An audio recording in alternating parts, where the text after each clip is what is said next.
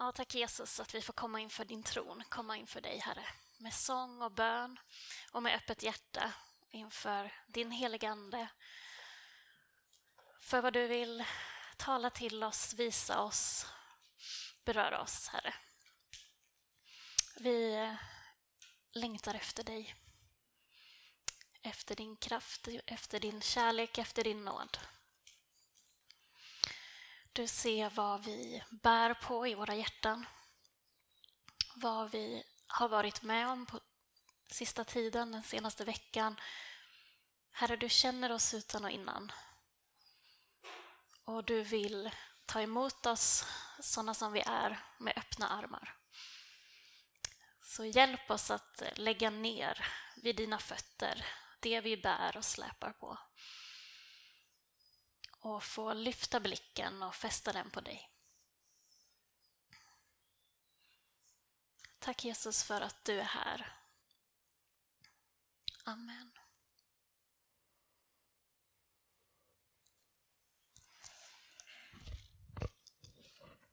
Eh, som några av er i församlingen vet, ni som får mina mejl, Eh, Eh, och läser dem. Jag är inte säker på att alla gör det. det är jag helt eh, öppen för. Jag läser inte alla mejl jag får, om de inte är personligt riktade. Men ni som eh, läser mina mejl, ni vet att jag har funderat på det här med att fastan börjar i veckan som kommer. Den kristna 40 dagars fastan före påsk. Eh, och det är ju ingenting som vi som pingströrelse alltid har liksom lyft fram eller haft som en tradition. Eh, men jag anser ju att vi lånar från alla kristna traditioner det som är gott och det som kan vara till uppbyggelse när man eh, vill. Och därför jag själv har funderat på fastan i mitt eget liv. Eh, och så ville jag dela det med er, så jag skrev ett mejl till er som får eh, mina mejl och eh, beskrev lite att man, om man vill haka på och traditionellt så är det ju mat man fastar från. Eh, inom viss, det ser lite olika ut. Inom viss kristen tradition så är det kött bara man fastar från under påsken. Det var ju därför det blev så mycket, var det inte så? Därför det blev så mycket ägg över. Eh, så därför vi äter ägg på påsk. För att förr i tiden då fick man inte äta ägg. fick man samla på alla de här äggen som hönorna eh, la. Och så hade man ett eh, massor sen till påsk. Och så har det blivit en tradition för oss att vi äter eh, ägg till påsk. Men i vilket fall, jag har funderat över det här med fastan eh, och tänkte också tala lite om det nu. Eh, det handlar ju om att avstå, att välja frivilligt att avstå från någonting. Eh, och det är faktiskt någonting som går helt på tvärs mot vår västerländska kultur och vår västerländska värld. Därför idealet i vår värld är ju tillväxt, massproduktion eh, och att hela tiden vilja ha nytt och vilja ha mer. Eh, varför nöja sig med en när du kan köpa två? Eller de liksom skriver på de här annonserna, köp tre, betala för två. Det spelar ingen roll om du behöver tre eller inte. Det viktiga är, köp tre, du behöver bara betala för två. Ja, men jag behövde ju bara en. Nej, men det, ta tre nu. Här, vi har massor. Eh, stort och mycket, det anses vara bra. Eh, och litet och smått, nej, det, det är sämre eh, i vår värld. Och när Jesus talar om Guds rike eh, så talar han bland annat om frön och surdeg. Små saker som i sig själva inte ser så mycket ut för världen men som rymmer en stor potential. Jag läser från Lukas evangeliet kapitel 13 om två av Jesu liknelser. Jesus sa, vad liknar Guds rike? Vad ska jag jämföra det med? Det liknar ett senapskorn som en man tar och sår i sin trädgård. Det växer upp och blir ett träd och himlens fåglar bygger bo bland grenarna. Vidare sa han, vad ska jag likna Guds rike vid? Det liknar en surdeg som en kvinna tar och blandar in i tre mått mjöl tills allt blir syrat. Guds rike är inte till det yttre någonting storslaget. Guds rike är inte grandiost, tar inte, å ena sidan inte mycket plats, slår sig inte för bröstet och kliver fram och säger här är jag, ja, nu är Guds rike här. Eh, så agerar inte Jesus. Eh, och så talar inte Jesus om Guds rike. Guds rike börjar i någonting mycket litet. Guds rike börjar i en människa. Börjar i dig och i mig, lite i taget. Som ett frö. Senapsfröet, som knappt syns, en liten, liten prick.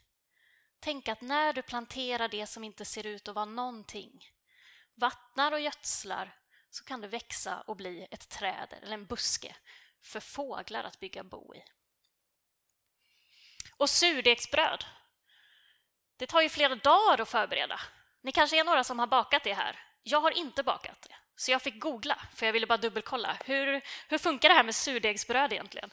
Men då läste jag ju där att den ska sättas igång, den ska matas, eh, den ska vila, den ska matas igen, den ska vila, den ska matas igen i flera dagar. Eh, och när det är dags för själva bakningen, ja då, den behöver ju jäsa då också, så man måste låta den vila eh, i ett dygn eller sådär. Och så ska den också, stod det i det här receptet, den ska knådas ordentligt. Gärna i minst en kvart ska man hålla på och knåda. Då är det bra att ha en maskin så man inte blir trött i armarna. Men som sagt, surdeg, det är någonting som tar tid. Det är inte någonting som spam, liksom smäller som en explosion. Nu är jag här, nu är det klart, nu sätter vi igång. Utan det är någonting som måste få växa och ges tid. Och båda de här liknelserna de handlar ju om något då som en person har. En man har frön, en kvinna har en surdeg. Och så handlar det om någonting som de gör med det de har. Mannen planterar fröet i sin trädgård. Och så vet vi att det ingår att vattna, gödsla, ta hand om. Kvinnan hon måste ta surdegen och blanda in den med mjölet. Det är vad hon gör. Och vi vet vad som ingår i det. Då vet vi att det ingår att knåda, att låta det vila, att ta fram det igen, att knåda. De gör någonting med det de har. Och där ser vi också att båda liknelserna handlar också om väntan. Mannen måste vänta på att fröet ska gro och börja spira. Det sker inte på en gång. Och kvinnan måste som sagt då låta den här eh, surdegen få jäsa i sin takt under flera dagar. Så båda liknelserna handlar om att vänta. Och de här liknelserna fick mig att tänka på Filipperbrevet kapitel 2 som är nästa bild på eh, powerpointen. Filipperbrevet kapitel 2, vers 12 och 13.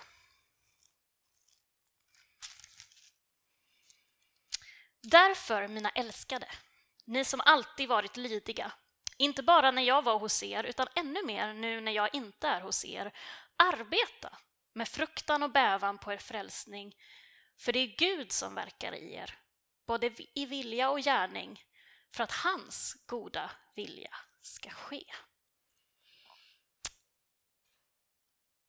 Märker ni paradoxen i den här versen? Motsägelsen. Vänta nu här. Vad menar Paulus? Lägger ni märke till att det är som att det är två saker som inte verkar gå ihop? Kan de här två sakerna verkligen vara sanna samtidigt? Om vi tar nästa bild så skriver Paulus arbeta på er frälsning. För att direkt i nästa sats säga det är Gud som verkar i er. Är det vi som arbetar eller är det Gud som arbetar? För Paulus uppmanar ju dem, arbeta, ansträng dig, gör någonting. Men direkt efter säger han, för Gud gör någonting. Gud arbetar, Gud verkar, Gud gör någonting. Så är det Gud eller är det vi som ska arbeta? Ja. Ja, svaret är ja. Är det Gud som ska arbeta eller är det vi som ska arbeta? Ja. Ja. Paulus uppmanar oss att göra någonting med det vi har fått och han säger för Gud verkar. Gud arbetar. Det är inte antingen eller, utan det är både och. Kvinnan i liknelsen, hon kan inte få degen att jäsa. Alltså det är inte hon som gör själva jäsningsprocessen. Däremot, när hon blandar degen, knådar den, låter den vila, då sker någonting. Hon ger utrymme för att det ska ske någonting. Samma sak med mannen som planterar fröet. Han kan inte få fröet att växa. Själva växandet kan inte mannen göra någonting åt. Däremot så planterar han och han behöver vattna den. Men själva växandet och själva jäsandet kan inte mannen eller kvinnan göra. Men det är ju värt att plantera ett frö. Och det är värt att vattna, rensa ogräs, gödsla och vänta för vi vet att vi kommer få ett resultat. Det kommer att ske. Och det är värt för kvinnan att knåda den här degen för i slutändan kommer det bli ett gott bröd som mättar hunger. Så varför är det värt att arbeta på sin frälsning? Jo, därför att Gud gör någonting i mig. Gud verkar och Gud gör någonting. Så det eh, här handlar ju inte om att bli frälst. Precis som Katrin läste i inledningsordet. Frälsningen är en gåva och beror inte på våra prestationer. Men när vi har fått den här frälsningen, då är det som den här mannen som har fått de här fröna, eller kvinnan som har den här surdegen. Vad gör jag nu med det jag har fått? Vi har så lätt för att hamna i två diken. Alltså antingen min frälsning, det kristna livet, Guds rike, att Gud har framgång i världen, det beror på mig. Det beror på oss kristna. Vi måste ta i, vi måste be, vi måste kämpa, vi måste göra något, för annars kommer Gud inte göra någonting. Det hänger på oss. Och det blir en väldig tyngd att bära för många av oss, eller för kyrkan. Åh, nej, det hänger på mig. Om jag inte ber, då kommer ingenting att ske. Åh Gud, förlåt mig för att jag inte orkar. Åh, förlåt mig för att... Åh. Men å andra sidan, så när vi inte vill vara i det diket så är det ju lätt, jättelätt att hamna i det andra diket som säger så här, nej men jag kan inte göra någonting. Det beror bara på Guds nåd. Nej, nej, om jag gör något då står jag nog i vägen för Guds nåd. Nu är det bäst att jag bara sätter mig här och eh, inombords bara gläds lite över att åh, vad härligt det är att jag är frälst i alla fall. Ja, för om jag kliver in och gör någonting, nej men det, då är det ju inte Guds nåd, då är det ju jag och det ska ju inte vara jag, det ska ju vara Guds nåd. Och så står vi här med ena benet i varje dike och ibland så hamnar vi lite längre ner där och sen ibland hamnar vi lite längre ner där och så är det lite svårt för oss att få ihop det. För vi har lätt i att tänka antingen eller, inte både och. För vi är inte kallade att sitta i ett av dikena. Vi är kallade att gå på vägen. I Apostlagärningarna så kallas de första kristna eh, vägens folk. De som går på vägen, de som följer Jesus. Eh. Och det är ju för att Gud verkar i den här världen. Det är för att han verkar i dig och i mig som det är värt att göra oss tillgängliga för honom. Att säga, här är jag med det jag har fått. Här är jag med den jag är. Jag vill vara tillgänglig för dig. Jag vill plantera det fröet som jag har fått av dig, Gud. Jag vill vara med och vattna och gödsla det. Eh, och jag vill eh, baka den här degen. Jag vill våga vänta under jäsningen därför att jag vet att det är du, Gud, som gör verket. Men jag sätter igång baket. Jag sätter igång knådningen. Jag sätter på ugnen och gör det redo. Men det är du, Gud, som gör verket.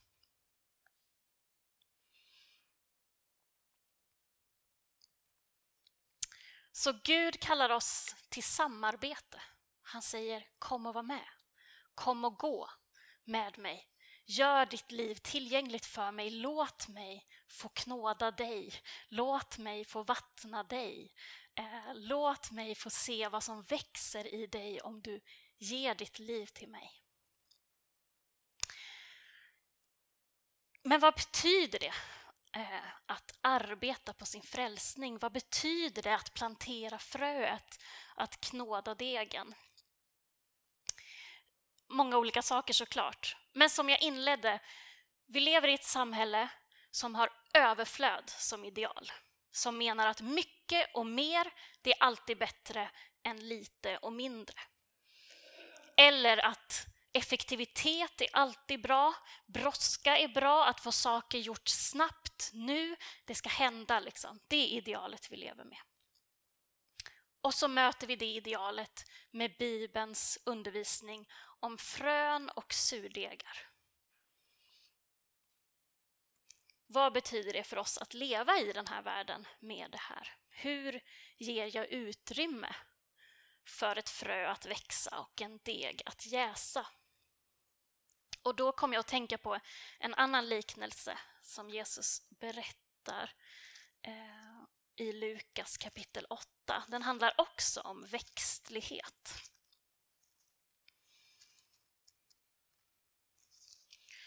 Lukas kapitel 8, jag har tagit ut vers 7 och vers 14. Jesus berättar om såningsmannen som strör ut sina frön som hamnar på olika ställen. Och i vers 7 står det, en del föll bland tistlar och tistlarna växte upp samtidigt och kvävde det. Och så förklarar han det i vers 14. Det som föll bland tistlar är de som hör ordet, men som alltmer kvävs av livets bekymmer, rikedom och njutningar och aldrig bär mogen frukt. Och då tänkte jag, är det det här som är arbetet? Arbetet på min frälsning? Att rensa tistlarna? Kan det vara en del av det? Så att de här fröet verkligen kan slå rot och växa upp och bära frukt. Är det då så att mitt arbete emellanåt består i att göra plats för det som Gud vill göra i mitt liv och rensa? Att istället för att fylla på med ännu mer saker i mitt liv, fler prylar, fler upplevelser, mer engagemang, mer underhållning, eh, mer människor, att då och då skala av och skala bort och då och då rensa. Det är ju så att ibland så gör livet det här åt oss utan att vi har bett om det. Och utan att vi får välja. För till exempel sjukdom eller åldrande sätter plötsligt upp begränsningar. Plötsligt kan jag inte göra allt jag gjorde innan. Plötsligt orkar jag inte allting i mitt liv. Och plötsligt så måste jag avstå från saker. Avstå från sammanhang, avstå från att träffa människor. Kanske orkar jag inte så mycket som jag gjorde tidigare. Och då är det smärtsamt. När jag inte själv har fått välja det, utan jag bara måste acceptera att så här har livet blivit nu. Men om vi läser Bibeln så är det inte nödvändigtvis ett dåligt liv. För Bibeln premierar inte mer grejer, mer händelser, mer upplevelser, mer saker. Utan Bibeln talar också om rikedomen i att avstå.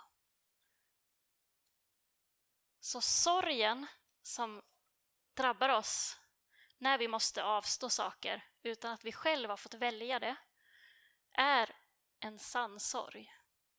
Och inget att bara tänka nej nu ska jag bara rycka upp mig. Men att också se, okej, okay, jag har inte valt det här själv. Men vad i det här kan bli gott för mig? Hur kan jag använda det här tillfället i mitt liv, den här perioden, så som det ser ut, till att göra mer plats för Gud och det Gud vill göra i mitt liv, nu när jag ändå inte kan göra allt jag vill. Andra av oss, vi kämpar ju dock med detta att våra liv så lätt blir överfyllda. Att vi så lätt eh, blir trångt. Och jag ska hinna det och jag ska göra det och jag ska besöka den och sen måste jag ju ta tag i det där och så vill jag ju att det ska se ut så här hemma hos mig och då måste jag ta tag i det här och, och liksom sådär. Och så känns det som att man nästan är helt andfådd fastän jag inte har gjort så mycket. Men jag vill så mycket och jag försöker så mycket. Och, jag, och det är så många människor som hör av sig och de vill att jag ska göra det här. Och det är klart, det är ju roligt, det vill jag vara med på. Jag har så mycket att göra, så mycket att tänka på, så mycket att rodda med och, och styra upp. Det är en utmaning att rensa bland tistlarna, rensa bland allt det som vill växa upp runt det Gud har gett mig. Och därför tänkte jag på fastan. Att det kanske faktiskt är en god tradition eh, att någon gång om året medvetet bestämma sig för att nu avstår jag vissa saker i mitt liv för att ge mer tid för Gud. Och det härliga med att vi fria i pingströrelsen det är att vi kan välja att ta det som vi vill. Alltså, vi måste inte följa hur man har gjort i hundra år, men jag kan ta inspiration av hur de gjorde förr och fundera över ja, men vad skulle vara gott för mig att göra? Hur skulle jag kunna använda den här traditionen på ett gott sätt i mitt liv? Och ett tydligt område där vi lätt översvämmas av saker så att det blir trångt i våra egna liv, det är ju via medierna via telefonerna, tvn, andra skärmar. Det tar ju aldrig slut av klipp att kolla på, kommentarer att läsa, spel att spela, nyheter att konsumera. Alltid är jag tillgänglig och uppkopplad och det kan lätt översvämma mig. Eh, jag tror inte att jag är ensam om att jag ska ta upp telefonen och kolla någon viss sak. Jag ska kolla ett recept.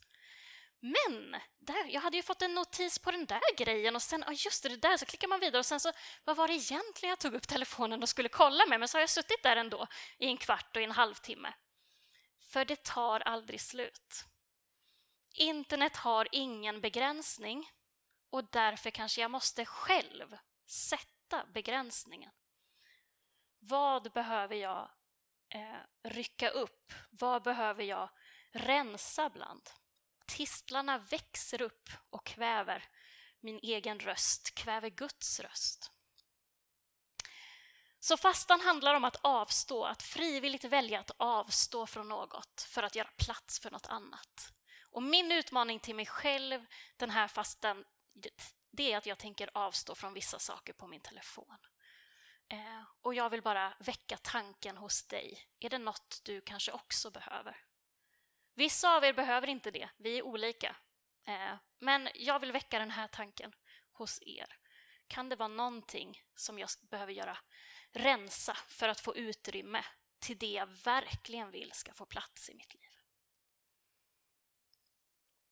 Jag har också, jag skickade som sagt ett mejl, eh, men jag har också skrivit ut på papper eh, lite inspiration om man skulle vilja försöka sig på någon sån här digital fasta. Och det ligger ute på bordet där inne. Lite bakgrund, lite förslag och eh, så. Och jag tänkte faktiskt, nu gör jag på ett annorlunda sätt än hur man brukar göra här i gudstjänster. Ni som sitter nära någon annan, vänd er till varandra och bara fundera. Är det här med digital fasta, är det något du skulle kunna ha nytta av? Bara, ni lovar ingenting, ni bara pratar med varandra lite.